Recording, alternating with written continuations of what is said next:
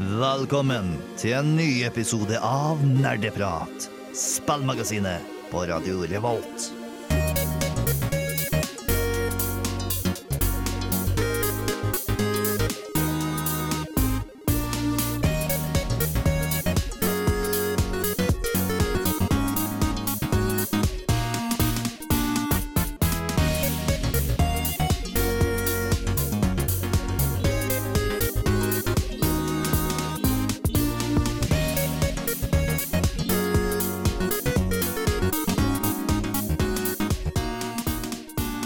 Hallo og hjertelig velkommen tilbake til nok et semester med nerdeprat. Vi har alle hatt jul og nyttår, og vi er klar for å bringe dere ferskt nerdenytt her fra Trondheim by.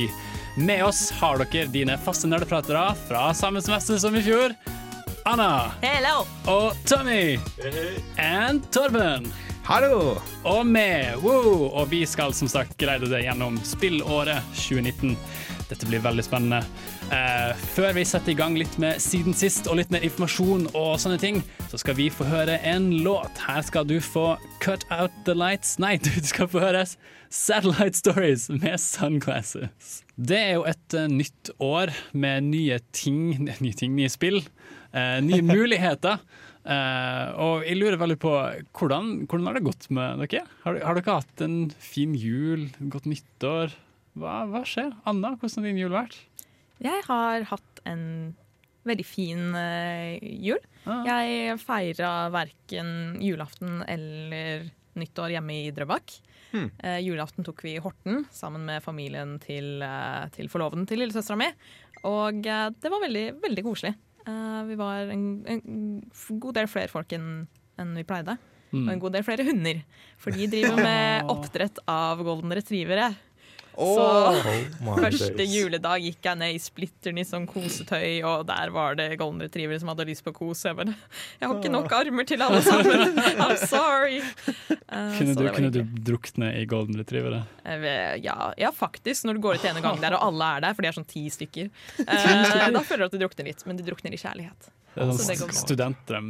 Studentdrøm, absolutt. Du da, Tommy? Hvordan var din jul? Nei, jeg hadde en ganske rolig og flott jul. Jeg gjorde ikke sånn altfor mye. Besøkte litt familie, var med kjæresten litt, og ja, ellers bare jo, tok det veldig rolig. Ja, besøkte litt venner og sånt. Ja. Var litt hjemme i Drammen og ja, kjente på at det var digg å være litt i hjembyen igjen.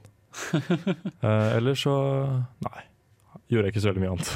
Fikk du noe spennende til eh, jul? Du, jeg fikk eh, masse kult spennende til jul. Jeg fikk en eh, kaffekverner. Uh, Jeg er så misunnelig. Ja, altså Igjen, jeg, jeg er kanskje ikke bare spillnerd, jeg er også kaffenerd. Um, som kanskje ikke er blitt nevnt like mye på denne Ja, på nerdeprat. nerdeprat. Um, og jeg fikk også en Chemex, som er en pour-over hvor du lager kaffe.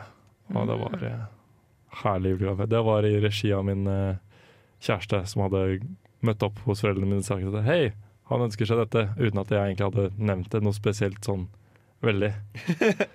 Så hun eh, leste mellom linjer og alt som er veldig kult. Det høres så teknisk avansert ut å lage kaffe med. Du trenger det og det og det, og så bare brewer du. Det blir litt sånn Breaking Bad, bare med kaffe.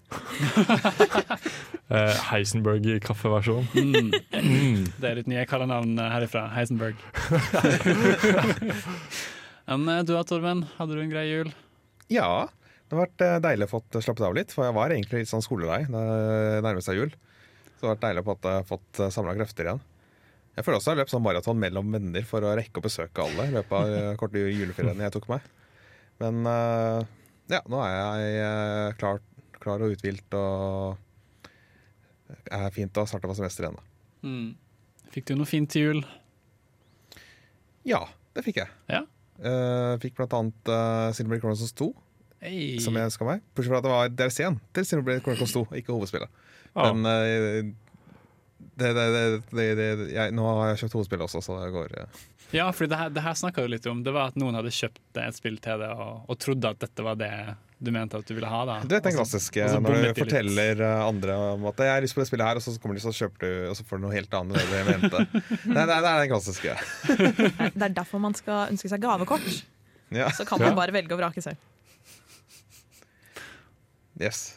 Skal ikke være lett. Nei, det skal ikke det. Uh, en ting som har vært kult å, å nevne nå, uh, det er jo at det er noe spesielt som skjer uh, nå frem til den 20. Og det er det at vi har opptak i eh, studentmediene. Eller på hele huset, egentlig, i samfunnet, men, men også vi, da. Eh, så det er en åpen stilling i, i Nerdeprat. Da er det bare å søke, vet du. Det er det. Eh, når var fristen, Torben? Det er nå på søndag, eh, 20. januar klokka 23.59, så du har hele søndagen på deg. Mm. Men du kan også søke allerede nå. Det er, du går inn på samfunnet.no slash opptak. Der finner du både radiojournaliststillingen, som uh, Nerdeprat eh, går inn under. Der kan du også søke som ny tekniker. Da joiner du meg og min eh, gjeng, håper jeg å si.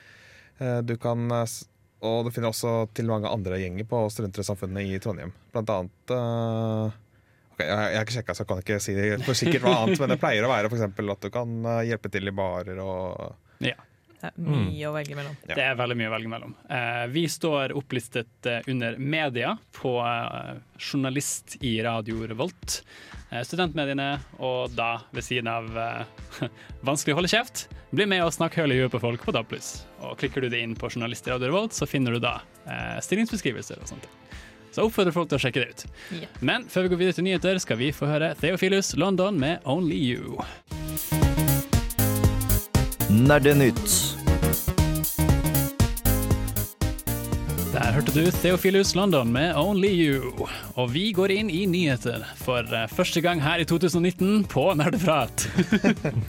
Eh, Anna, hva er det som er på agendaen i dag? Eh, Litt om eh, våre kjente venner, holdt på å si. Ikke venner, uvenner, EA og Star Wars. Eh, god, ja, Star Wars har vi venn, da. Jeg kan kanskje bare gå rett på det og få det ut av veien. Eh, jo, eh, det har vært mye rykter. Eh, Det startet opp fra én, men nå har det kommet fra en god del flere forskjellige kilder, sier Game Reactor at EA vil kansellere neste Star Wars-spill. De har jo hatt en mildt sagt turbulent historie der på mange måter. Fra ja, Det kan man si. microtransactions som ikke ble tatt vel imot, og så ballet det seg på etter der. De har fått mye hat for det. Så det vil ikke bli noe videre Star Wars-spill fra, fra EA, El- ser det ut som. I hvert fall ikke fra, uh, fra de som skulle utvikle det neste. Obs hvilket uh, spill er det snakk om? Eller uh, er, hvilket studio er det? Uh, Det er jo flere studier som jobber på forskjellige spill parallelt, har det ikke? Det Mm. var vel uh, Vancouver-basert eh, Visceral? Var det Visceral Games? Visceral høres kjent ut. Ja. Mm. Mm. For det er snakk om at de skulle lage sånn større Star Wars-spill. Nei, EA Vancouver, fordi eh, EA hadde skjøtta ned eh, The Wizard Games, som hadde lagd Dead Space okay. uh, tidligere. Så skulle EA Vancouver-delen overta for Star Wars-spillet. Ja, fordi uh, EA har allerede shutta down uh, et Star Wars-spill før, som var et eh, ikke-multiplayer online eh, Star Wars-spill. Mm. Og det vil jo ikke EA ha noe av lenger, fordi multiplayer multiplayer mente- og online det er jo kun det som er gøy nå. Ikke sant, God of War. Og så kom God of War og tok Game of the Year! Uten multiplayer. Oh god. Hvem skulle trodd? Kan ikke jeg styre øksa, liksom? Jeg er Kratos, du er sønnen, og du er øksa. Go! Nei, så det er ikke første gang de har kansellert et sta... Altså, virker som de Det ekskluderer Star Wars, tydeligvis. Ja, De burde kanskje gi seg på det der. Så vidt jeg har fått med meg, så virker det som at det her er snakk om at de har kansellert et spill som var relativt tidlig i produksjon. Mm. Altså, mm. I produksjonen. Og at det var et stykke igjen før dette spillet kunne komme ut på diverse maskiner og sånt. Sånn at eh, det, de skulle visstnok eh, ta på en måte sette det på hold. Altså utvikle noe annet i stedet. Det er ikke snakk om at eh, det er noen utviklere som får sparken. sånt. Det er snakk om at eh, de heller settes til å lage prosjekt som er litt mer eh, kortere tidsramme. Ja, for okay. i, ifølge Game Reactor så uh, virket det som at Vancouver, altså EA Vancouver ikke hadde så mange ideer som kunne ført til et bra spill. Så da, da så de at det var like så greit å kansellere. Mm. Eh, så det var nok ikke noe ondsinnet ved det, nødvendigvis. Nei. Nei, ok. Men det, Det er jo, det er er jo noe vi burde også være obs på. Liksom, spill kan bli kansellert. ja, ja, ja. Det, det kan skje. Hæ?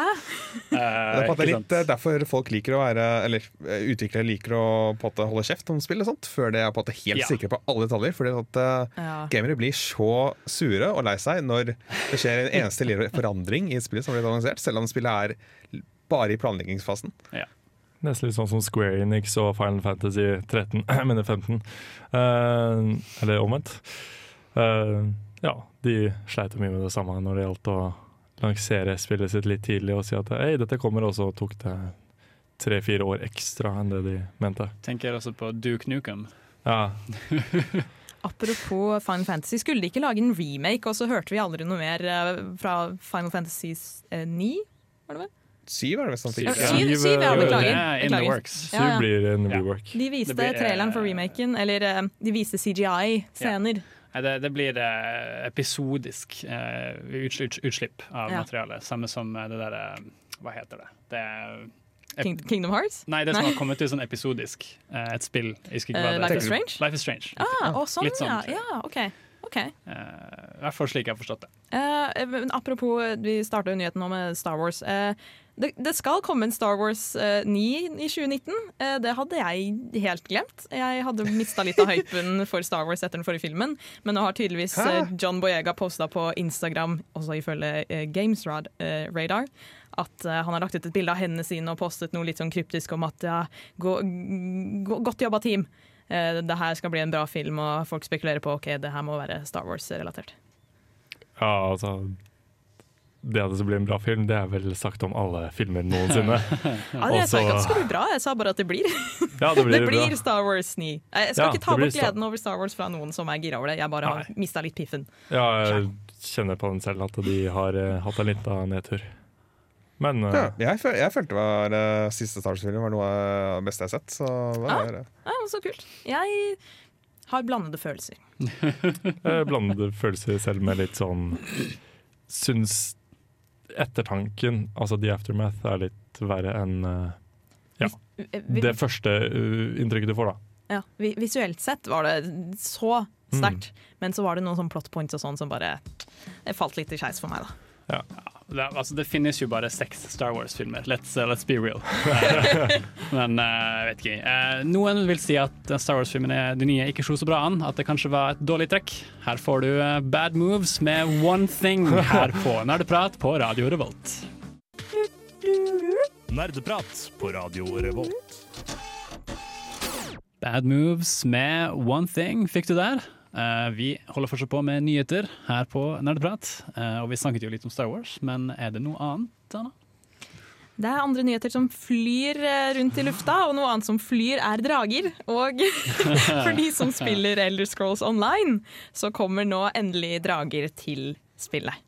Så da kan man eh, føle seg enda litt nærmere The Dragonborn fra, fra Skyrim. Bortsett fra at alle er Dragonborn. Alle, vi, er, vi, er, vi er alle Dragonborn, det er sant. Når du sier det sånn, så høres det kjedelig ut. Men, men jeg er litt forvirret. Hadde de ikke drager fra før? Eh, ikke i Elder Scrolls eh, Online. Ah. Um, altså, med tanke på at det er en MMO, så er det vel litt mer komplisert å legge til drager der også. Jeg kan ingenting om spillprogrammering, så correct me if I'm basert på veldig mange andre MMO-er, så vil ikke jeg si det. Eh, Det kommer også veldig an på hva slags type grafikk og størrelsen på liksom Ja, hvor uh, Ja. Artdesignet, herregud.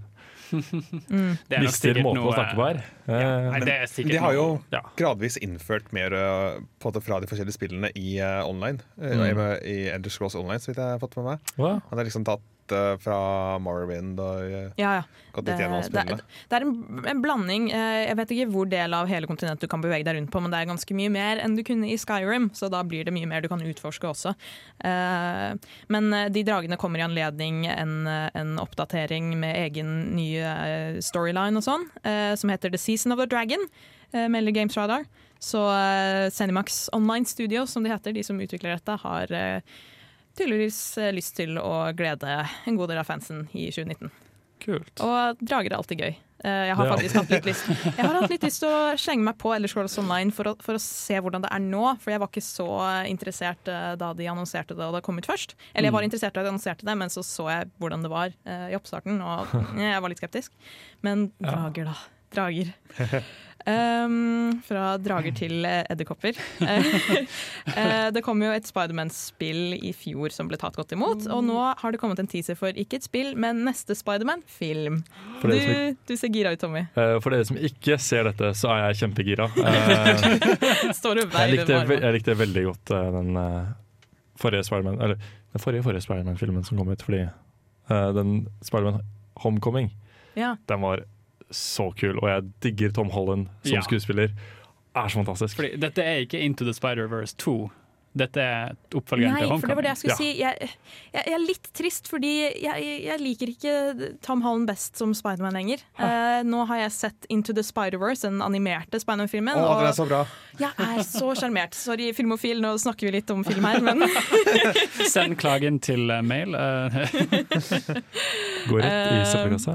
Men den, den ser kul ut, og du har blant annet Jake Gyllenhaal som, eh, som the bad guy, skurken, i neste Spiderman-film. da.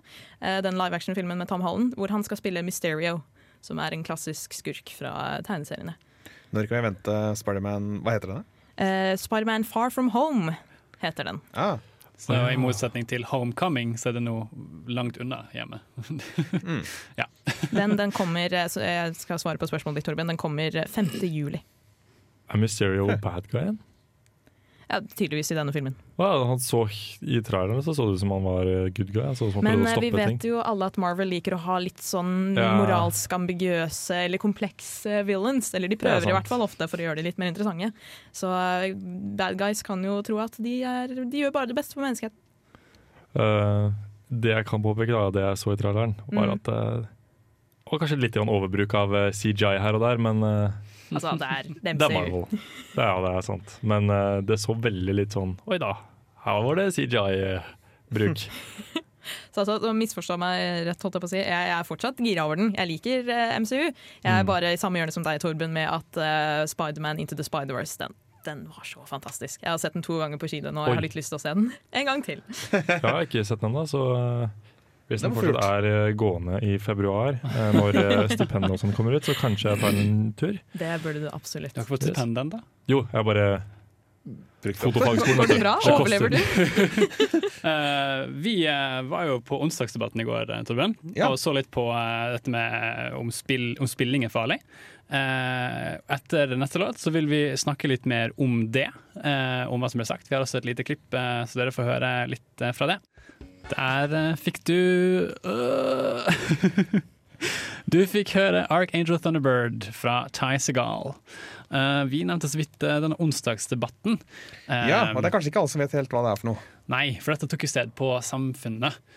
På klubben, rettere sagt. Og dette er noe som skjer hver onsdag, hvor de tar opp aktuelle temaer.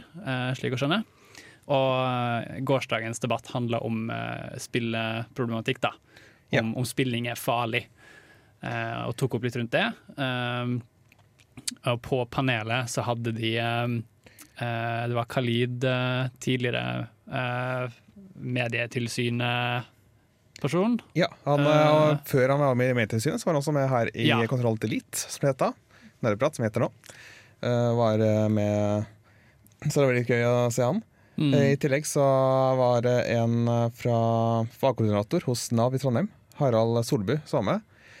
Vi sier debatt, men det er ikke, det er ikke sånn to uh, kjemper mot hverandre om hvem som vinner debatten. Det var mer sånn utforskning av temaet. Ja, eh, han sa jo det veldig tidlig, om, eh, at, eh, at jeg er ikke her for å være uenig med det. Uh, og så var det egentlig bare sånn enig debatt. At Khalid sa noe, og han andre ja, jeg er helt enig.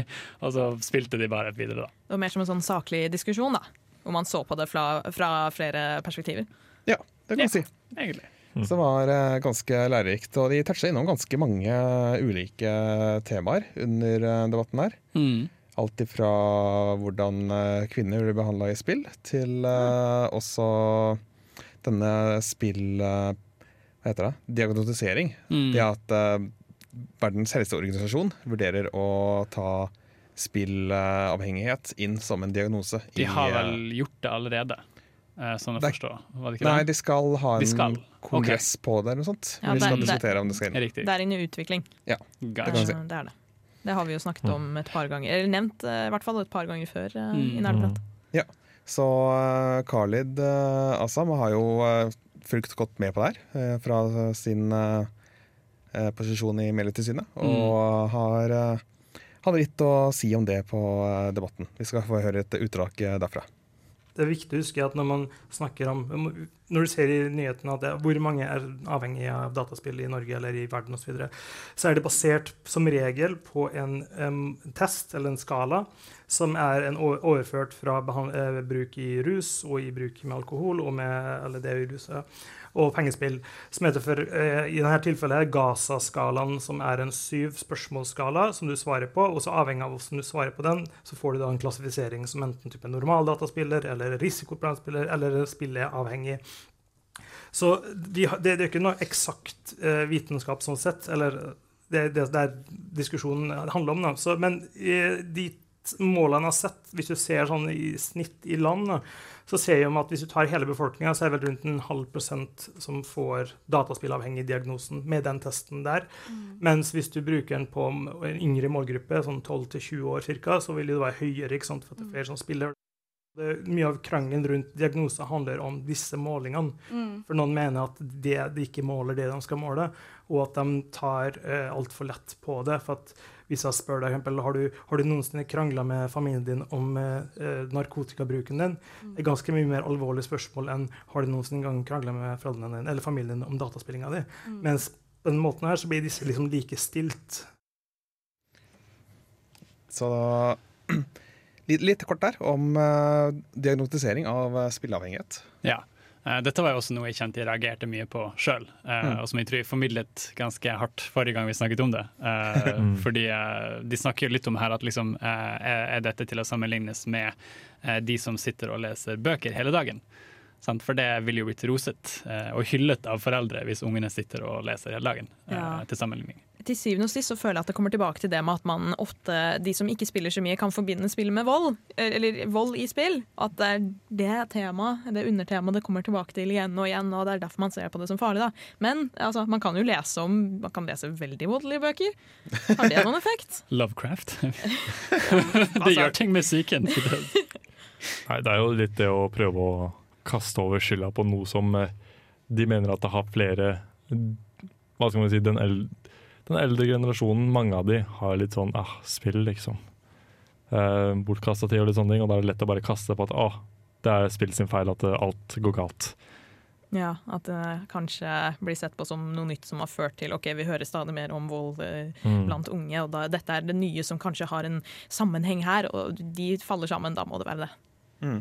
Samtidig så hadde Carly et uh, poeng uh, under debatten, som var at uh, dataspill er på en måte Du må arbeide litt mindre for å få på en måte, jeg si dopamin eh, på en måte For å få den følelsen av å på en måte, at, at du liker det. Belønning, liksom. Belønning, ja. Mm. Mens for bok så må du lese gjennom, arbeide gjennom mange sider, kanskje før du blir hekta at det er spennende og sånt. Mens dataspill så er det bare sånn Med en gang Mm. så er det belønning. Du må ikke grinde like mye bøker, da. Nei. Men så kan det kanskje være Ja, kanskje det er tilfredsstillende det òg. Ja, nei, altså Det kommer jo veldig helt an på spillet. Altså Du har jo da spill som MMO-er og liksom et eh, Jeg vet ikke. Uh, Sånn utforskningsspill, Ja. liksom Journey, for eksempel. Det er Altså, litt du, du sånn- ikke lov å spille Journey. du, du får en helt Det er veldig to forskjellige liksom, dopamin highs, da. Mm. Ja, så Nå glemte jeg litt hva jeg skulle si. Sorry. Det går bra, Torben Vært der. Men eh, det var en interessant debatt. da. Jeg ville veldig gjerne dra dit, men jeg fikk ikke tid likevel. Mm. Men du var der, og du også, TM. Ja. Så det, det var nyansert. Det ble ikke bare sånn ensidig eh, diskusjon. Neida, eh, Khalid var veldig dyktig i å få frem roten av, av problem, problemene, eh, eller det som ble stilt, da. Og fikk eh, klargjort det på en veldig tydelig og forståelig måte, eh, som alle kunne si seg enig i, tror jeg. Litt det jeg skulle si var også det at eh, Per i dag så kan man jo også på en måte behandle folk for spilleavhengighet. Men Ja. man behandler ikke sånn at eh, spilleavhengigheten er problemet. Det er mer det at spilleavhengigheten eh, blir i dag sett på som symptomet. Ja. Så prøver man å rulle tilbake og finne hva er det som er det underliggende problemet. F.eks. depresjon eller andre problemer man har. da. ja. Mm. For Fordi eh, vi hadde jo en eh, episode en tid tilbake om psykologi og spill. Da snakket vi litt rundt det her. da. F.eks. ensomhet eller depresjon kan gjøre Mm. at man tyr til dataspill. Nettopp fordi det gir deg en rask dopaminbelønning. da. Eh, Eller i hvert fall en, en rask måte å få glede og konsentrasjon og distraksjoner på. Ikke bare gjøre et sånn dopaminlevel, men også hjelper deg til å liksom kunne være eh, på en måte sosial med andre, men samtidig ikke måtte gå ut og vise deg. Du kan lage en, en veldig alternativ versjon av deg selv. Eh, en per, den perfekte versjonen av deg selv, da. Mm. Og som du kan da vise til alle andre. Og det er litt sånn Det er det mange skjuler seg bak da, når de da sliter med disse Ja, f.eks. depresjon og ja, angst og litt sånne ting. Og ja, generelt det. Mm. Så det er en, mange ting bak det. Vi snakker fortsatt om onsdagsdebatten som var på Samfunnet i går, med om, om spilling er farlig. Eh, og vi snakka jo eh, veldig mye om det nå. Vi fikk høre et klipp fra Khalid som snakket her. Eh, og litt av greia her er jo at eh, spilling har jo et visst stigma på seg. Eh, Det er jo mange som på en måte står utenifra, eh, som gjerne skal anmelde denne kulturen, si hva det er. Eh, og du hører ofte fra utenforstående at det, det ligger veldig mye eh, stigma i det, eh, fordi de ikke helt forstår det, tenker de. Det er ganske nytt. I Anna snakket så vidt her i, i musikkpausen om at en gang så var jo rockemusikk også sett på som rebelsk og Ja, farlig. Annerledes og farlig og skadet ungdommen. Ja, og du har jo mange av disse gamle musikkvideoene eh, hvor du har på en måte eh, gutter som plutselig bryter ut og får disse rockesveisene. Eh, jeg, jeg kommer ikke på hvilken låt det er nå, eh, men jeg husker jeg har sett noe som det. Det var jo også en Eh. tid da det var ulovlig å kjøre rullebrett. Ikke sant? Ja, sant det. Eh, og spilling er jo på en måte nå litt i samme fasen. Eh, og det er jo litt fordi og det her begrepet jeg lærte på skolen. Eh, spilling er en domestiseringsfase. Hva vil det si? Eh, det vil si at eh, det er forholdsvis nytt, og på samme måte med internett så er det ikke helt klare rammer eh, for hvordan det skal anvendes og brukes. Og det vil si at man har veldig frie tøyler på den arenaen. Eh, At det eksempel, eh, i, I virkeligheten, sant? hvis noe går galt, så kan du få inn eh, utrykningsetater, politi, whatever. Mens på internett for eksempel, så er det mer uklare linjer. Og det ligger litt i at det ikke er helt etablert ordentlige regler som man kan forholde seg til. Men vil det si at for å bli allment akseptert, så må man kunne se en konkret nytteverdi av det? Hvis man snakker om det du nevnte, domestisering? Jeg vil si det. Ja. Fordi Hvis man ikke får noe nytt ut av det, så er det jo kanskje sett på som unyttig. eh, naturligvis. Så for Eh, eksempel å se på det som samme linje som idrett gjør at man får en nytteverdi? kanskje. Fordi det Er det noe du skal jo, inn på, Anna? ja, nei, jeg, eh, på, på eh, Facebook-eventen til det onsdagsdebatten så linka de jo til noen eh, ulike interessante artikler, og et av de handlet om at eh, på, på no- nrk.no slash livsstil Mm. gaming bør få anerkjennelse som fritidsaktivitet på linje med tennis og korps. Nettopp. Eh, og der eh, var det snakk om at man bør i skoler innføre gaming eller spilling, eh, særlig sånn eh, i e-sports, som en slags type idrett som man kan få fordype seg i. da. Fordi det er på vei til å bli en stadig mer populær sport som eh, man kynisk tenkt kan tjene masse penger på, og derfor er det viktig, men som er veldig populær og har en svær eh, fanskare og eh, kan være veldig viktig for ungdommer på den måten. Ja, for det er jo mange som, som har tjent penger på det her lenge. Ja. Eh, for det Smash-communityet. Eh, det er jo folk som har gått rundt og tjent gryn på å bare møte opp og spille Smash. Oh. dog profesjonelt, sant. Drømmen. Eh, men ja. Ja, Det samme gjelder jo League of Legends, Dota, alt det her. CSGO. Ja, sant. Er jo helt sjuk. Uh, Mm. Og en, liten, en ting som overraska meg litt, var når uh, han fagkoordinatoren hos Nav uh, fortalte at, at Manpower har satt i gang et uh, prosjekt for å at, at gamere, eller folk som har eh, spilt mye, skal kunne få sette egenskaper eh, fra de spillene inn i CV-en sin. Det, det har jeg sett en del annonser på rundt om på bussholdeplasser og sånn i fjor høst, husker jeg. Det så jeg at uh, liker du å spille, det kan du faktisk leve, ikke leve av, men tjene på, da.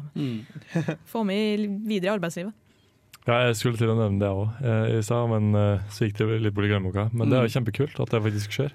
Det er jo det. Ja, både og. Det kan jo både ha pluss og nedsider. Ja, for det er jo både plusser og minuser med det. Noe som Khalid nevnte på debatten, er jo at eh, læringsutbytte som du får av spill, er ofte veldig uklart, og du vet Mm. ikke helt måte, hva du lærer. Eh, han kalte det for tangerende læring, hvor, som er når du lærer noe, men du vet ikke helt hva.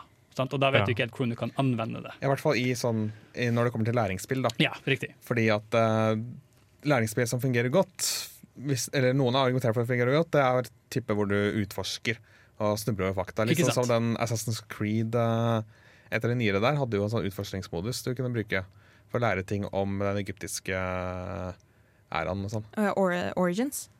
Ja, den hadde sånn utforskningsmodus, tror jeg. Mm. Ja. En sånn annen eh, alternativ versjon av spillet. Ja, ja. Den eh, ble jo brukt som en slags sånn historisk versjon hvor det ikke kom noen fiender etter deg. Du kunne bare gå rundt og liksom lese om og høre om hvordan verden var på den tiden. Mm. Det er sabla stilig. Problemet med det i en klassesetting er at du ikke nødvendigvis Hvis alle setter seg rundt ned med hver sin uh, kopi av det spillet, Ja. så har ikke du noe som lærer god måte å vite at alle har fått eh, med seg alt. på dette. Nei, men det er derfor det er eh, helt i startfasen. Man må ha veldig tydelig ramme på hvilke spill man skal bruke, hvordan man Mm. skal bruke de, og hvordan læreren skal takle de klasseromsituasjonene som oppstår. da. At man f.eks. skal sette opp diskusjonspunkter etter så og så lang tid. Ikke la det gå en hel time hvor man bare sitter og spiller, men legge opp for drøfting også. Kanskje spille Eh. i fellesskap, men da er det ikke så gøy lenger. En ting, når du nevnte klasse, eh, De snakket jo veldig litt om klasse eh, på Debatten. Okay. Eh, for en ting som jeg, reagerte litt på, da, var jo at når man på en måte får vite at noen spiller, så, snakker de, så stilte jo disse, disse spørsmålene at å ja, hva spiller du? Det ble jo han Nav-fyren her veldig engasjert i når Khalid nevnte hva han spilte av forskjellige ting. Og apropos stigma og sånne ting, sant? Når vi tenker på på eh, hva vi har lest, hva vi har sett. Hvis noen sier 'jeg har lest en bok', så, så tenker du 'ja, kult, hva har du lest'? Men ofte når man har et stigmatiserende forhold til spill, og du hører at noen spiller, så er ikke det første du sier 'hva har du spilt'? Men nei. 'å ja, du spiller, du', ja. Men, men det kan jo ha noe å gjøre med at du ikke vet noe om spill. Liksom bare, Du har spilt, du eh, sitter foran en skjerm. de, de hadde der. Men uh, det interessante der er jo at eh, det er litt mer status å ha spilt Dark Souls enn det er å ha spilt Fifa. Eh, Eller Farmville. Det spørs eh, hvilken spillkultur du er i, da. Nettopp, da. Men hvis du tenker på spillkulturen generelt, da. Ja. På at det, nå, nå håper ikke jeg noen av oss driver med noe særlig gatekeeping på den måten. da Alle skal få lov til å være gamere. Liksom. Men uh, det finnes jo de som mener at eh, ah, du, du spiller bare Candy Crush, du er ikke ordentlig gamer. Nei. Liksom. Og hva er en ordentlig gamer? sant? Eh, vi skal høre en anmeldelse av Grease av, eh, fra Anna her Ja. nå snart. Det, er, det, Eh, er, det er et ordentlig spill. Det er ordentlig spill! Så her skal vi uh, trille i gang med Moaning Lisa uh, av Carrie. For meg slår kombinasjonen av indie og eventyr sjelden feil. Da Gris ble utgitt den 13. desember i 2018, var det gått et halvt år siden jeg først så traileren for spillet. Hvor jeg allerede etter de første fem sekundene hadde tenkt at dette måtte jeg spille. Derfor var det med stor glede at jeg endelig kunne sette meg ned og se selv hvordan Gris levde opp til forventningene. Ikke bare fikk jeg en god pause fra eksamensjobbingen, jeg ble fullstendig bergtatt i samme slengen.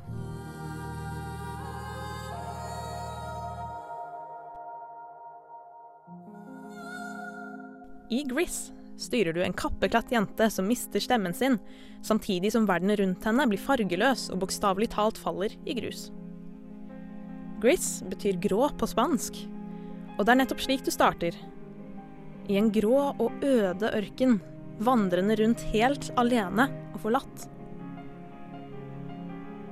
Jentas reise er en tydelig metafor for sorg, hvor farger, statuer i omgivelsene og evner du tilegner deg på veien, alle er virkemidler som representerer ulike sider av sorgprosessen hennes. Dette klarer Nomada Studio mesterlig å presentere uten et eneste ord, for det er nemlig ingen dialog i Griss.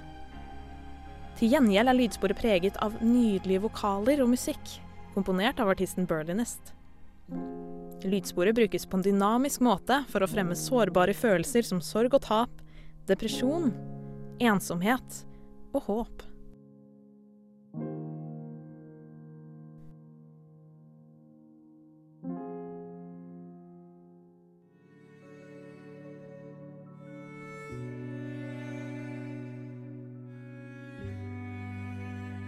Hvis det å starte som en kappekledd figur i en øde verden gir deg assosiasjoner til Journey, så er du på rett spor. For det er tydelig at Nomada Studio har hentet inspirasjon fra det ikoniske indiespillet. Men dette er ingen dårlig ting, og Gris klarer fint å stå på egne bein. Annet gjennom det unike visuelle designet. Alt er tegnet for hånd i Gris. Og det er veldig tydelig at det har blitt lagt mye tid og kjærlighet inn i hver detalj. I tillegg er skjermen uforstyrret av menyer, barer og annet som kunne kommet i veien for det visuelle. Dermed får du ingen distraksjoner fra kunstverket foran deg. Faktisk tok jeg meg selv flere ganger i å bli sittende og stirre på skjermen framfor å spille videre. Og jeg hadde kanskje tatt titalls med skjermbilder før det hadde gått mer enn et kvarter. Når det skal sies, er Gris nok ikke noe for alle, selv om det er vakkert. 120 kroner for et spill du kan runde på to til tre timer, kan virke lite fristende. Gris er heller ikke spesielt vanskelig, og byr på få utfordringer, med unntak av noen puslespillsekvenser. Spillet byr heller ikke på veldig nyskapende spillmekanikk. Men det er ikke de tekniske utfordringene og detaljene som Gris handler om. Det som driver Gris, er emosjonell historiefortelling som kan spilles og forstås av alle, uansett hvilket språk man snakker. Mangelen på dialog og krevende kontroller gjør at Gris føyer seg pent inn i en voksen rekke spill som har fokus på universell utforming, som kan nytes av voksne så vel som barn. Alt i alt er Gris et terapeutisk lite eventyr med et stort budskap, som du trygt kan la deg fortrylle av i noen timer. Nomada Studio imponerer med sin første utgivelse, og jeg gleder meg til å se hva de vil gi oss neste gang.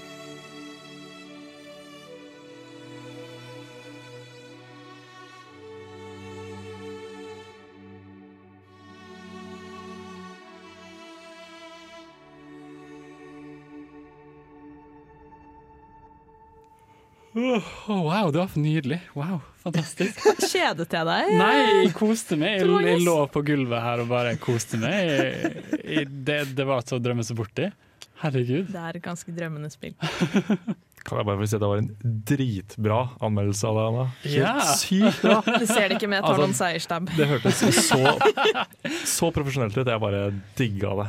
Sykt fantastisk. Tusen takk. Fordi dette var jo et spill som vi nevnte litt i fjor. Oh, ja. Eh, vi fikk skrevet så kort om det i eh, Dusken eh, Vi rakk så tidlig vidt på å, semesteret. vi rakk så vidt å spille gjennom spillet Ja.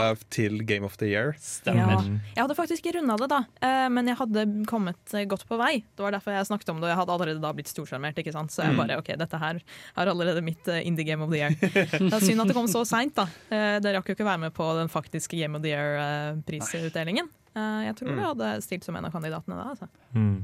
Var det kanskje bevisst at de slapp ut rett etter Game of the Year? Det har jeg ikke peiling på. Men ville de da være med i neste? Er det sånn det fungerer, eller? Antageligvis så ville de det. Ja. Fordi Super Smash Bros. Eh, kom jo også ut etterpå. Ja. Eh, Den kom ut samme natta som de hadde Game of the ah. Year-sendingen. Ja, stemmer det. Han sto jo, han, hva heter han Nintendo-frontfiguren? De Eh, annonserte jo Joker til eh, Smash. ja, det gjorde de også. You Åh, never yeah. see it coming! Men uh, nå prater vi oss vekk fra Gris Ja. her. ja, beklager. uh, Gris, ja. Det, Jeg har hørt at eh, du kan nesten ta hvilken som helst uh, slipp, Du kan slippe kontrollen på hvilken som helst tidspunkt, Ja. og der har du en fantastisk skjermsparer. Altså, som jeg nevnte i den eh, anmeldelsen, jeg satt der og bare Jeg fikk PC-en min, jeg har ikke en super game-PC, så det er det. Jeg fikk den til å henge seg opp nesten, fordi jeg tryk- trykka på print screen så mange ganger. Print screen, print screen. Og så kom den sånn ti minutter etterpå bare Nå har jeg tatt et skjermbilde! så til slutt måtte jeg bare tenke OK. Neste gang jeg spiller gjennom, da kan jeg ta masse skjermbilder. Så nå har jeg bortimot 50 i hvert fall skjermbilder liggende som jeg skal eh, ta som bakgrunner på PC-en min. Ja, nei, jeg fikk også se på at du spilte litt, og det, Ja, det er bare så, så sykt pent ut. det er, Og, så, det er så terapeutisk. ja, og så musikken. Musikken er Den anbefaler jeg å sjekke ut enten på Spotify eller på YouTube, eller kjøpe. Den ligger vel på Soundcloud eller um, uh, hva heter den? Bandcamp? Bandcamp var det tenkt. Mm. Helt fantastisk. På, apropos hvordan spillet ser ut, hvordan er stilen? Er det veldig stilisert? Eller? Det er veldig stilisert. Det er um, uh, mye akvarellfarger. Farger er veldig veldig sentralt i det spillet. her Som jeg nevnte, så På starten så forsvinner alle fargene. Uh, men det er fortsatt sånn gråtoner og svart-hvitt og sånn.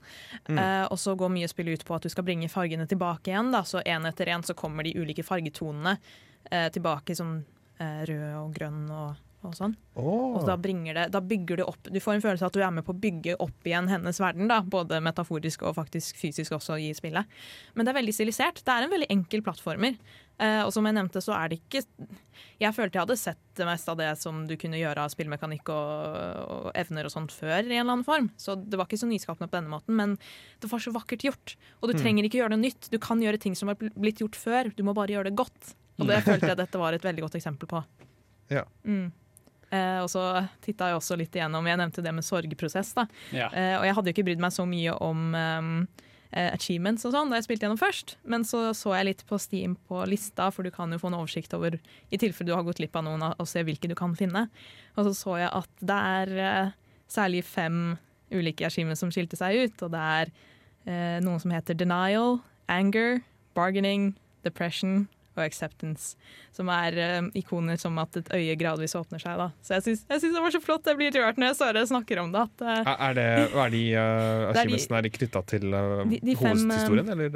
det er de fem stadiene i sorg da, som Ja. liksom er typisk kjent som det at først forhandler du, så blir du sint, så prøver Eller først uh, fornekter du, så blir du sint, så Mm. prøver du å forhandle, og så blir du deprimert, og så aksepterer du til slutt. Skjer ikke i virkeligheten nødvendigvis i den rekkefølgen, eller i det hele tatt, men det er det det typisk er kjent for. da.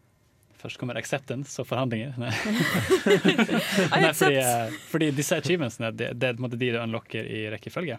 Eh, Siden du sa at øyet åpner seg gradvis. Ja, det, jeg vet ikke helt om det er i rekkefølge, men det sånn det er lista. som- På Steam så er det jo lista ikke sant? fra vanligst å finne til minst vanligst. Så var det liksom omvendt Ah. rekkefølge der da jeg, leste opp i, i omvendt rekkefølge nå. Okay. Um, det har vært litt rart å få det store, åpne øyet først, og så plutselig får du et halvåpent øye. på en måte. det handler egentlig om at du bare går til slutt inn i denial. Jeg meg om Jeg husker å ha hørt at Jeg, jeg har ikke spilt det The Legend of Zelda Majors Mask selv, Mm. men uh, det, det tar jo Det kan tolkes i den retning at du har uh, de ulike karakterene Link møter i det spillet. Ja, at de er, representerer ulike deler av sorgprosessen. For det er jo ganske, det er jo ganske trist spill, sånn er egentlig. Jeg har ikke spilt det selv. Jeg, jeg har Det er jo et det. spill hvor alle i Termina, landet heter Termina, Mm, eh, går rundt og aksepterer at de nå skal dø. ja. Eh, Så det er ganske dystert for et barnespill å være. Eh, det, det her Gris, det, det minte meg som jeg nevnte om Journey, da, i og med at du har en sånn stillegående historiefortelling, og det handler mer om reisen enn om endemålet, men her handler det kanskje eh, enda mer om endemålet, da. Mm. Um, på en litt annerledes måte, for da har du en, en konkret prosess som mange kan kjenne seg igjen i. Det er ikke bare en reise med en ikke-menneskelig figur, det her er ei, ei jente som må prosessere mye følelser, da. Er det spesielt minne fra spillet du vil uh, dele med oss? slutten. Uh, jeg, jeg skal ikke si noe, men slutten Jeg, jeg, jeg- jeg spilte ferdig slutten uh, på, på toget nedover da jeg skulle reise hjem til jul mot uh, Drøbak. Og da satt jeg der med en klump i halsen og bare ikke grin på toget, Anna. den eh, den eh, satte seg veldig hos meg. Mm. Mm. Er dette spillet hvor du på det, Hvor konkret er det, er det veldig abstrakt? på en måte? Må du legge litt mye av deg, dine egne følelser og Ja. erfaring sånt i prosjektere i uh, figuren? Eller, eh? Ikke nødvendigvis erfaringer. Altså Når jeg sier at uh, det gjorde inntrykk på meg, det var helt på slutten når du liksom ser hva det leder opp til, at jeg følte at det gjorde et ekstra stort inntrykk. Da. Men det er, Mm. veldig, det, er, det at det er så nydelig lagd, som også eh, gjorde inntrykk på meg fra starten av. Eh, at jeg syns det er veldig imponerende at man kan lage spill som kunstverk på denne måten. Dette er akkurat som Journey og andre spill et eksempel på at spill kan være kunstverk, og er en egen kunstform. Eh, For det er så nydelig sammensatt, og du ser at det er lagt veldig mye kjærlighet inn i spillet. Men hvis du har erfaringer Hørt på anmeldelsen min nå, da, for nå har jeg sagt litt om hva, hvordan jeg tolker det. Da kan du legge mye av dine egne følelser inn i det, sikkert. Da kan du kanskje få en terapeutisk effekt. Vi skal gå litt videre inn i å snakke om spill som vi gleder oss til i 2019. For det kommer jo ut ganske mye spennende for- eh, foran oss nå i de neste kommende månedene. Kort eh, promotering fra Anna her. Ja, jeg, jeg skulle bare si at eh, Det jeg glemte å nevne i stad, var at Grease kan du få på både Steam og Nintendo Switch. I tilfelle du har en Switch og tenker at åh, da kan jeg ikke spille dette. Det kan du. Rejoice. Men ikke hvis man har PS4. Nei, dessverre. Nei. Jeg tror kanskje det kommer til PlayStation etter hvert. Ja. Uh, og da hadde jeg kjøpt den der igjen. Så lett. Kunne jeg sett det på en enda større skjerm og tatt enda større skjermbilder. Med surround-anlegg yeah. på musikken. Å ja. Nå drømmer jeg meg bort.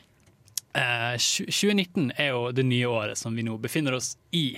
Ah, Eh, det er jo Nei. den 17. dagen i 2019, eh, så for de som ikke har fått det med seg ennå, så ja, det er et nytt år. Hei, velkommen! Hey. Med mindre du er Internet Explorer, så er du, i tju- er du i 2014. OK, jeg er ikke på Explorer nå, jeg Explorer. har Age, men, så jeg tar ikke opp Shots fired. Eh, nei, men vi eh, har jo sett over en god del lang liste, eller en god del, eh, en lang liste av spill som kommer ut i år. Eh, og det er mye vi gleder oss til. Uh, stemmer ikke det? Det stemmer. Eh, ja.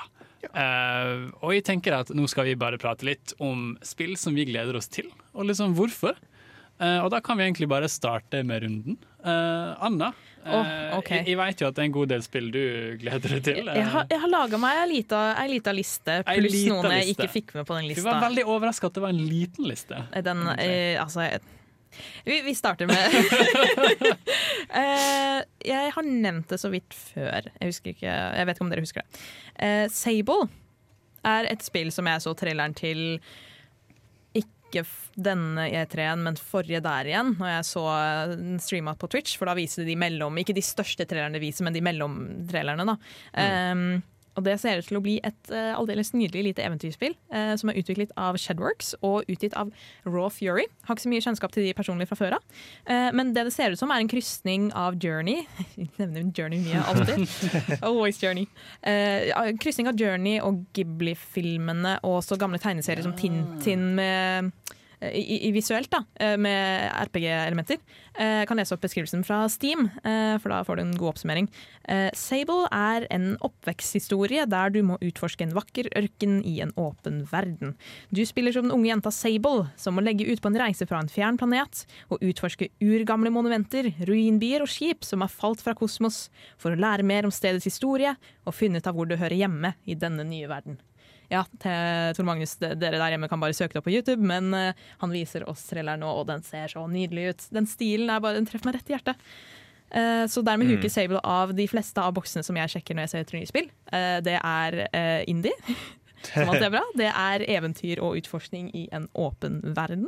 Det ser aldeles nydelig ut, og som en ekstra bonus så er det en kvinnelig protagonist, som jeg ikke var klar over da jeg så traileren først. For du er ganske kappekledd og sånn, da. Det er noe med kapper og ørkener og sånn som går igjen i indiespill etter Journey. Altså. det fjerde, fjerde kriteriet ditt er at det er som Journey. Og Ghibli. Det minner meg litt om Ghibli også i karakterdesign og verdensdesign og sånn. Men at du har Mm. litt der blandingen av Ja. moderne teknologi med litt sånn gammeldags følelse. Eh, og det ser litt sånn tegna ut, for det er bare sånn Ja. mm. eh, mellom eh, der fargene Ja, eller Ja. det, ja. I eh, hvordan det ser ut. Jeg føler at mens mange er sånn Oh, let's make it like Dark Souls, så er Anna Oh, let's make it like Journey.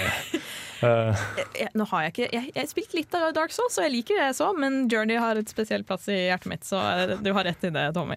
CTM jubler av at du likte Vi, vi kan snakke mer om Dark Souls senere. Ja. jeg har flere hvor, my hvor mye tid har jeg på Vi meg, egentlig? Tem? Bare snakk. Okay.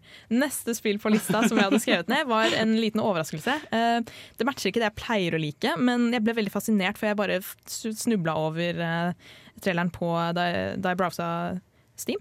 Hmm. Um, det heter My Friend Pedro, som har taglinen 'Blood, bullets, bananas'. Så da ble jeg litt sånn «Hæ?» Den siste helt passet inn. Ja. Um, Hva, hva for et spill er dette her? Altså, da, da, okay, Er det som Journey? Beskrive, nei, jeg skal beskrive traileren. Det er et førstepersons skytespill som lages av Dead Toast Entertainment, eh, og det ser skikkelig wack ut. Mm. Det første det åpner med i traileren, er at um, du har en person i en mørk kjeller som spinner rundt i slow motion mens han fyrer av en pistol i hver hånd. Eh, litt som ba ballettpiretter bare med våpner, og skyter mot folk som kommer løpende mot han. Eh, og så er det en voiceover med sånn, jeg tror det er spansk aksent, som sier sånn at eh, Å, jeg er ikke spesielt glad i vold. Det var ikke spansk, herregud. Men at dette er, ja, dette er dårlige mennesker. Jeg, jeg slutter med aksenter, jeg. Dette er dårlige mennesker som Hoppis, sier han. Eh, og så zoomer kameraet inn mot denne karakteren som står der og skyter og ser ganske badass ut. Eh, og så går han ned på kne og fortsetter å skyte og ser enda mer badass ut. Og så bare zoomer han inn på over hodet hans hvor det bare dukker opp en banan eh, som får øyne og munn og bare sier Let's get crazy, let's get weird, let's get, well, bananas. og jeg bare What the fuck? Ja, men vi skal ha sett den her på E3. Eh, jeg så den ikke Jeg tror kanskje. Devolver Digital jo, sin Det er eh, sant, Jeg hadde ikke kjent igjen da, men i etterkant, når jeg så mer fra faktisk gameplay, så er det den med du skyter på en panne, blant annet, og så rikosjerer kulene rundt og treffer fiendene rundt deg. Ah. Um, og det det er beskrevet som, det er at det er en voldelig ballett om vennskap, fantasi og enmannskamp om å ødelegge enhver som står i veien for han, drevet av en selvbevisst banan. Uh, og jeg viste det til um, romkameraten min, og den første reaksjonen hans var bare Det, det, det er meksikansk Deadpool med split-aiming. og, og slow motion. det handler tydeligvis om at eh, du kan se så badass ut som mulig, for du kan velge å gå inn i slow motion og gjøre masse kult. Så det veldig lett ut? Ja, det, det så underholdende ut. Passe utfordrende ut. For vet du hva som er lett? Nei. Magi. Her får du 'Magic Is Easy' av Gorilla Toss her på Nerdeprat. Du hører på Radio Revolt. Tommy, vi kjører på. Hvilke spill gleder du deg til? Fort, Du- fort! Hvorfor? Oi, oi, oi, shit, shit. Oi, oi. Nei, uh, jeg skal starte litt lett med at uh, spill uh, i 2019 var litt sånn Spill, sa du? Det kan vi fikse. uh, fordi jeg, nå kommer det veldig mye bra, ser det ut som. Eh, jeg skal starte med Mortal Kombat eh, 11, eller X. Ja. Uh, som jeg syns er litt stilig. Jeg har alltid vært en fan av Mortal Kombat-serien, og det ser ut som de opprettholder det ganske bra. Er, er det der som Geralt nå fra Witcher kom med? Eller nei, var det, det var Soul Caliber det jeg tenker på, kanskje? Det er nok mulig. Jeg Ja, tror, jeg tror okay. det er Soul Never mind. Eh, Men i hvert fall. Uh, man kan jo aldri få nok av uh, X-rays med finishing moves og hvor hodet ditt blir revet av i tre forskjellige biter. Og ja, Kan aldri få nok av det. I, i spill, vel å merke. som de sier. Ja, fantastisk. Eh, jeg har ikke sånn kjempemye å si om det, men jeg, bare, jeg gleder meg til det. Jeg gleder meg til å se de nye finishing movesa, og jeg gleder meg til å se nye karakterer. Det blir gøy. Men hvor mange av de forrige har du spilt? Jeg har spilt uh, nieren og tieren. Okay. Og så har jeg vært borti uh, de to første Nei, ja, noen av de gamle også. Okay. Jeg kjøpte en sånn Collectors Pack eh, en gang i tiden, eh, som er kjempekult. Eh, Nei, fordi jeg har aldri spilt det. Hva er det, hva er det du liker med det, liksom? Er det bare Eh, at det er en fighting ja, det er litt den der at det er den der arenaen én mot én. mm. prøve å ikke button, nei, button, button, faktisk. button smashe hele kontrollen din, og faktisk klare å ha en eh, strukturert eh, En sånn kombo, da. M- Mutton Smash er sikkert en rett i Amerika, eh, som smaker veldig godt. Um, men for å ta det litt videre til noe litt mer koselig og behagelig og et fint og digg spill eh, med et herlig soundtrack som jeg håper på, er da follow-upen til Ori and the Blind Forest, som nå, hvor de da gir ut um, Ori and the Willow of Wisp. Will, of, will of the Wisps. Will of the. Wisps. Jeg klarte dette ikke. Uh, Jeg er skikkelig dårlig på navn, som alltid. Uh, Men jeg var skikkelig betatt av uh, Ori and the Blind Forest, og soundtracket, gameplayet, uh, challengene. Alt var skikkelig cute, adorable, fantastisk. Art perfekt. Uh, soundtrack mm, crisp.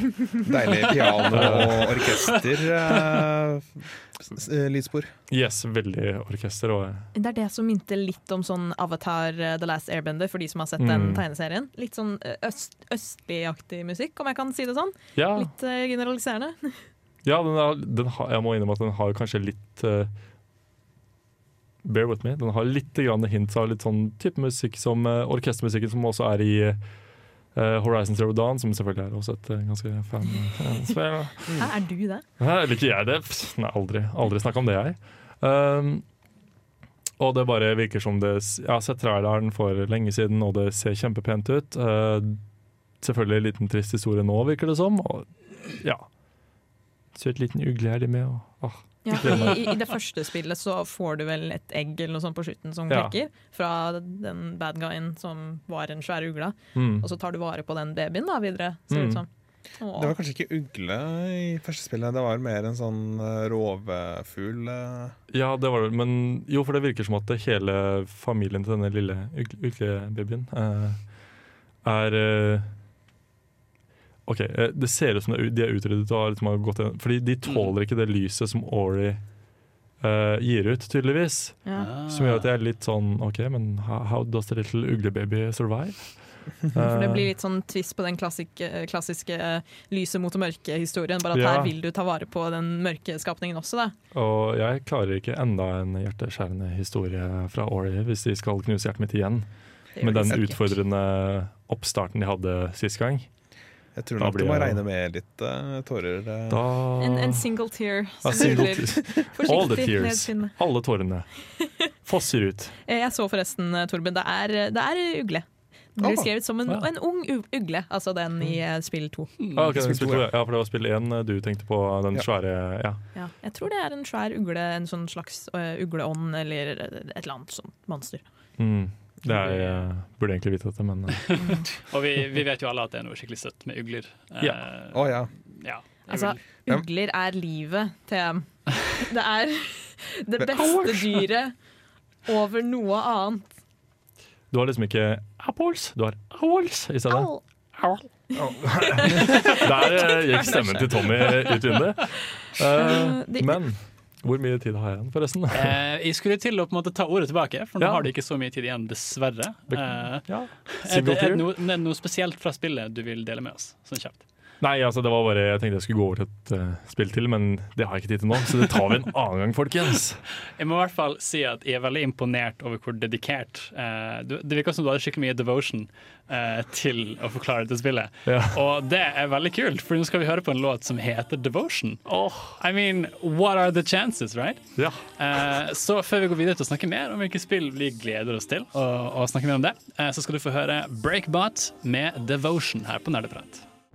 Der fikk du høre Devotion, som er Tommys eh, nye theme sound, theme track, ja, av uh, Breakbot. Uh, vi snakker fortsatt om spill som vi gleder oss til eh, her i 2019 eh, på Nerdeprat. Yes. Eh, Torben, er, det er vel noen spill du gleder deg til eh, i år, er det ikke det? Jo, i likhet med Tommy så gleder jeg meg til Ori and the Will of Wisps. Mm. Men uh, det forklarte han ganske godt uh, hvorfor det er spill å glede seg til. Så det Mm. tenker jeg gå så mye inn på. Eh, da jeg først satte meg ned og skulle lage en liste her, så slet jeg litt. Fordi at eh, jeg er hovedsakelig Nintendo-person. Og Nintendo er annonserer ikke ting så altfor lang tid i forkant. De venter på at det til det har Bortsett fra kanskje de største titlene, som Zelda og sånt. da Mm. men det er, så det er på en måte ikke de, det er ikke de store titlene som vi vet at de har i produksjon. Med et lite unntak. Uh, Animal Crossing kommer i 2019 til Nintendo Switch, og det gleder jeg meg til. Jeg koste meg mye med Animal Crossing New Leaf til Mm. 3DS. Og jeg eh, Det er nok også såpass lang tid siden sist jeg spilte at jeg, jeg begynner å bli klar for en ny runde. og også på Switchen, til og med. Da kan jeg jo ta det med meg hvor jeg vil og ha det i ganske høyoppløst format. Ja, jeg skulle si, Det kunne du for så vidt med 3DS nå, men ikke like, ikke like bra Ja, nei, det, det her var på en måte mer fordi Switchen er en, en sånn hovedkonsoll, sant? Mm. Eh, Flagship-konsoll. Eh, sammen med PlayStation 4 og Xbox. Sant? Men Ja. de kan du ikke ta med deg. Eh, men Switch kan du. Så det tjente True, de jo en god del poeng på. Yes. Mm. Et annet spill som ikke er så uh, høyprofilspill, kanskje, er Yoshi's Crafted World. Mm. Eh, det kommer fra utviklere som heter Goodfeel, og det er, det er ganske sanne til sitt eh, navn. Eh, de har tidligere utvikla Kirby's Epic Yarn, og var jo Rare The Shake Dimension, tror jeg det heter i Europa. Det er ganske bra spill. Eh, De har også utvikla det forrige Yoshi's uh, Woolly World. Så nå slår de til med enda et eh, Yoshi-spill. Uh, så jeg var i utgangspunktet ikke så altfor uh, interessert, på en måte. Eller jeg hadde ikke fatta så mye interesse for det spillet her. Men jeg har sett uh, Sugar Conroy, en av mine favoritt-youtubere, Mm. spille gjennom Yoshi's Woody World. så nå gleder jeg meg til uh, å ha en liten uh, koselig dose med Yoshi og hans venner i søtt format. Og jeg tror at dette spillet kommer ut i sånn månedsskiftet mars-april. Ja. Og da er masterkjøret begynt å ta seg opp ganske kraftig, så jeg tror jeg Mm. trenger en sånn terapeutisk plattformer-spill med Yoshi og venner. Høres ut som en god idé. Jeg må bare redde Tommy fra et hjerteattakk her. Hva, hva, hva skjer, Tommy? Eh, jeg, jeg kan ha gispet litt høyt, men eh, jeg er også en, jeg, eller, pleide å se veldig mye på Sugar Connery sjøl når jeg var eh, i yngre faser av mine Pokémons-faser, og jeg så alle walkthroughene hans. alle. Så du anbefaler den? Jeg anbefaler den. Han er sykt kul. Kjempechill person å se på. Vi burde ha en egen uh, YouTuber-episode som vi snakker om. We, will- we will keep that in mind. Yeah. Men uh, apropos Yoshi, hvordan er Yoshi-lyden din, Tommy? Tommy? Jeg er ikke så flink som jeg pleier å være, dessverre. Jeg, eh, stemmen min har røket litt eh, med litt forkjølelser og sånt. Så det går dessverre ikke like bra. Yoshi. Men Syk Yoshi. Ja, ja, Torben. du var litt inne på det, Tommy. Du nevnte en serie. Pokémon-serien. Oh. Utvikleren Ja. der, Gamefreak, utvikler et helt annet spill som heter Town. Ja, Eh, som har, eh, jeg har ikke sett litt av det. Det er visstnok et spill som foregår i en by. Ja fordi Bare? heter det Town? Var ikke det en sånn working title? Ja, det er arbeidstittel. Ja. Vi, vi har ikke hørt noe bedre tittel på det. Nei. Nintendo kommer kanskje med Nintendo Direct i løpet av måneden. Da får vi lære mye mer om hva vi har å glede oss til. Men, men allikevel, noe annet enn Pokémon fra Gamefreak, det er jo veldig Ja, De har jo tidligere utvikla Harmonites, som det heter. Eh, Sånn rytmespill. De har utvikla Bamboo, The Badass Elephants. Sant.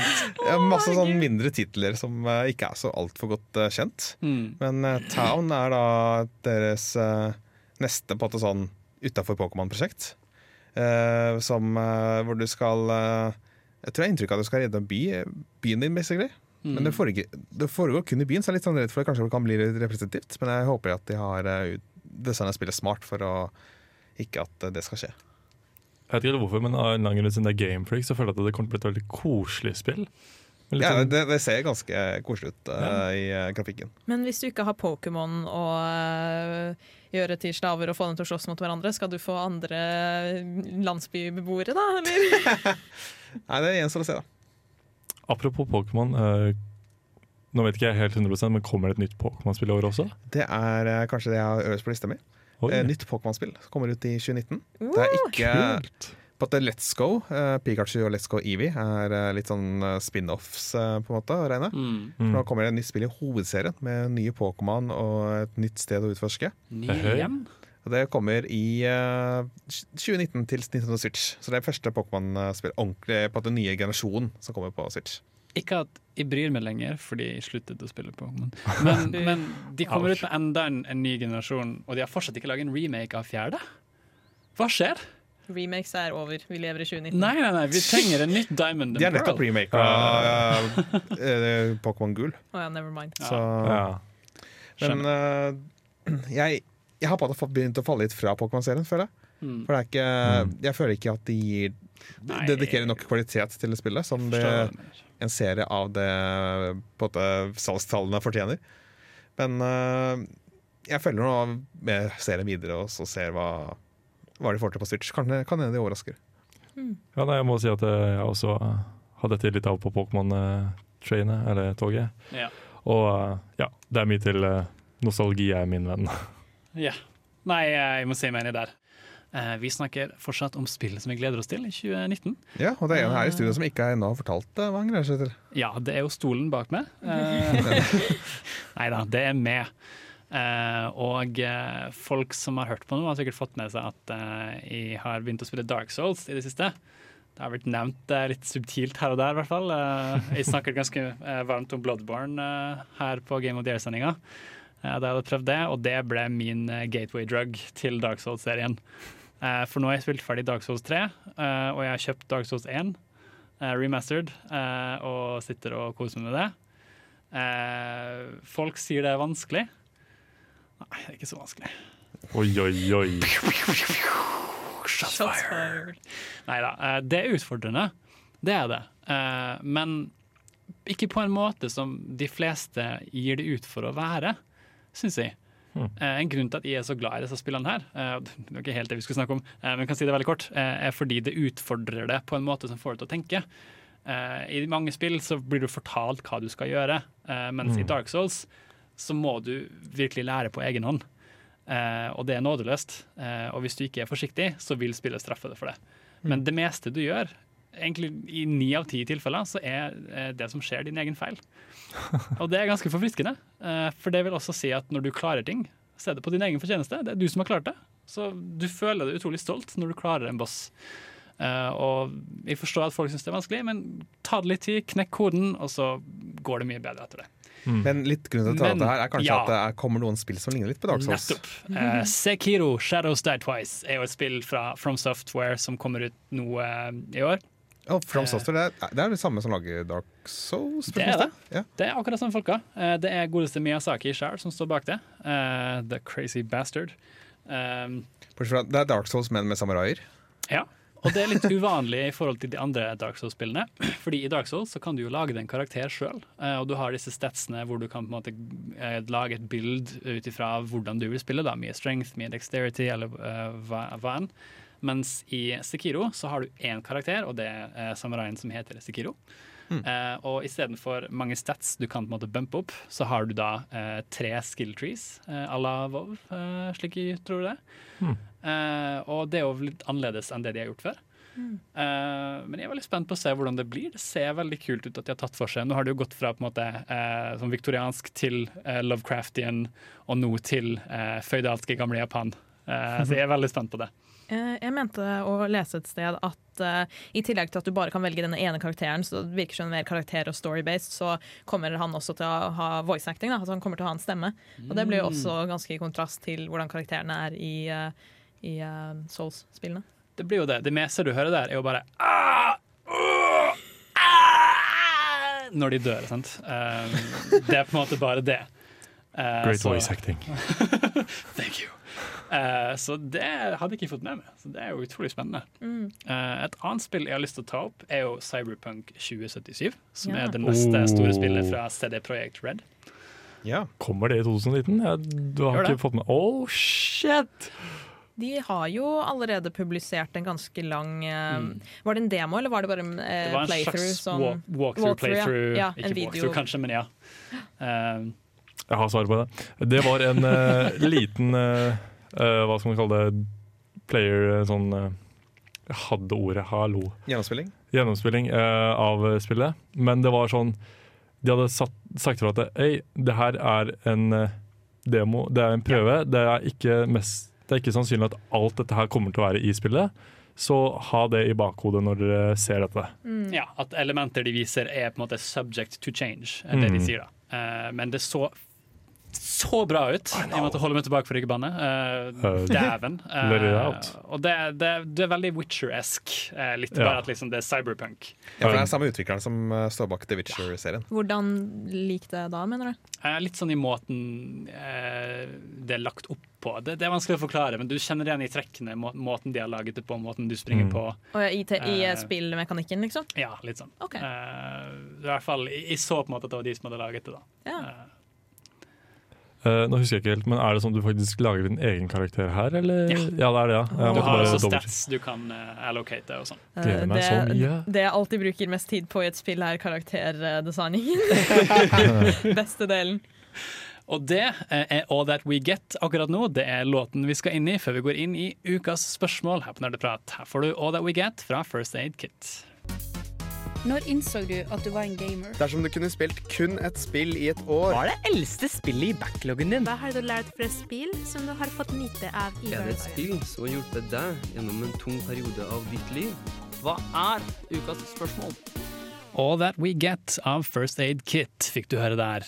Eh, og nå som vi er i ukas spørsmål, første ukas spørsmål for 2019, så tenker jeg nå må vi jo starte med noe klassisk. Så folkens, ukas spørsmål er som følger. Hvis dere skal på en øde øy, dere skal bli stranda på en øde øy, hvilken av de spillene eh, som dere gleder dere til i år, vil dere ta med dere? Dere kan bare ta med ett. Altså, Nå når jeg har snakket mye om øde spill denne sendingen, øde ørkener, da må det bli Sable. Hallo! Da hadde jeg følt at karakteren og jeg var litt på samme nivå. Bare at jeg hadde sikkert ikke hatt like mye plass å utforske på, så da måtte det blitt med å utforske i fantasien. Så det er ganske enkelt og greit Sable. Sable. Ja. Sable.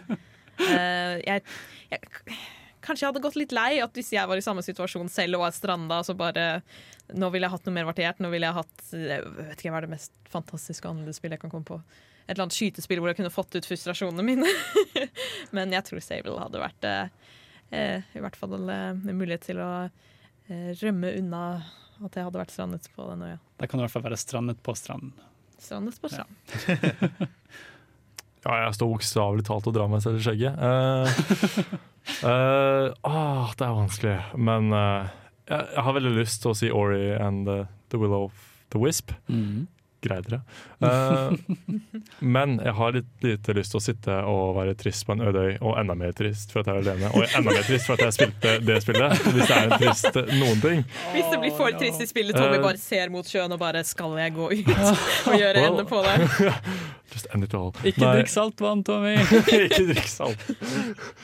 Eh, nei, men jeg tror faktisk jeg hadde gått for eh, Cyberpunk, for jeg tror det byr på ganske mye uh, generelt. At jeg kan, og jeg kan starte på nytt lage en ny karakter hvis jeg blir lei av den ene. Så det blir litt sånn som Skyrim. Du spiller det om og om og om og om. Og om.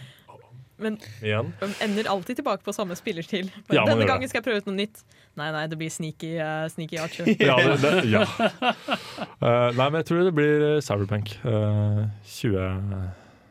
77. 2077. hva det er. Jeg kan si meg enig i det.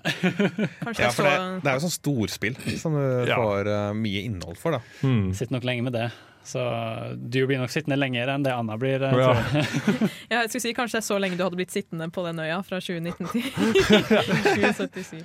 Du, Ikke Torben? four years. Hva ville du eh, tatt med deg på i dag? Jeg så litt på lista jeg tok med meg her. Jeg tenker Animal Crossing er kanskje det spillet som har størst potensial for innhold. Ja. Og der har du også det at dag, det, det er på en alternativ uh, virkelighet, holdt på å si. At når tida går eh, hos meg, så går tida i spillet også. Og du må på en måte sjekke inn hver dag, dag eh, for Mm. å treffe folk og gjøre små ærend som for hver dag. Samle epler og hva den Så det blir på en måte å Da får jeg selskap da gjennom disse landsbyboerne som jeg, jeg kan snakke med. Og. Jeg skal akkurat si, Det er virker som det spillet som har blitt foreslått hittil, hvor du har mest sjanse for å vedlikeholde sosiale evner på en eller annen måte, selv om det bare er et spill.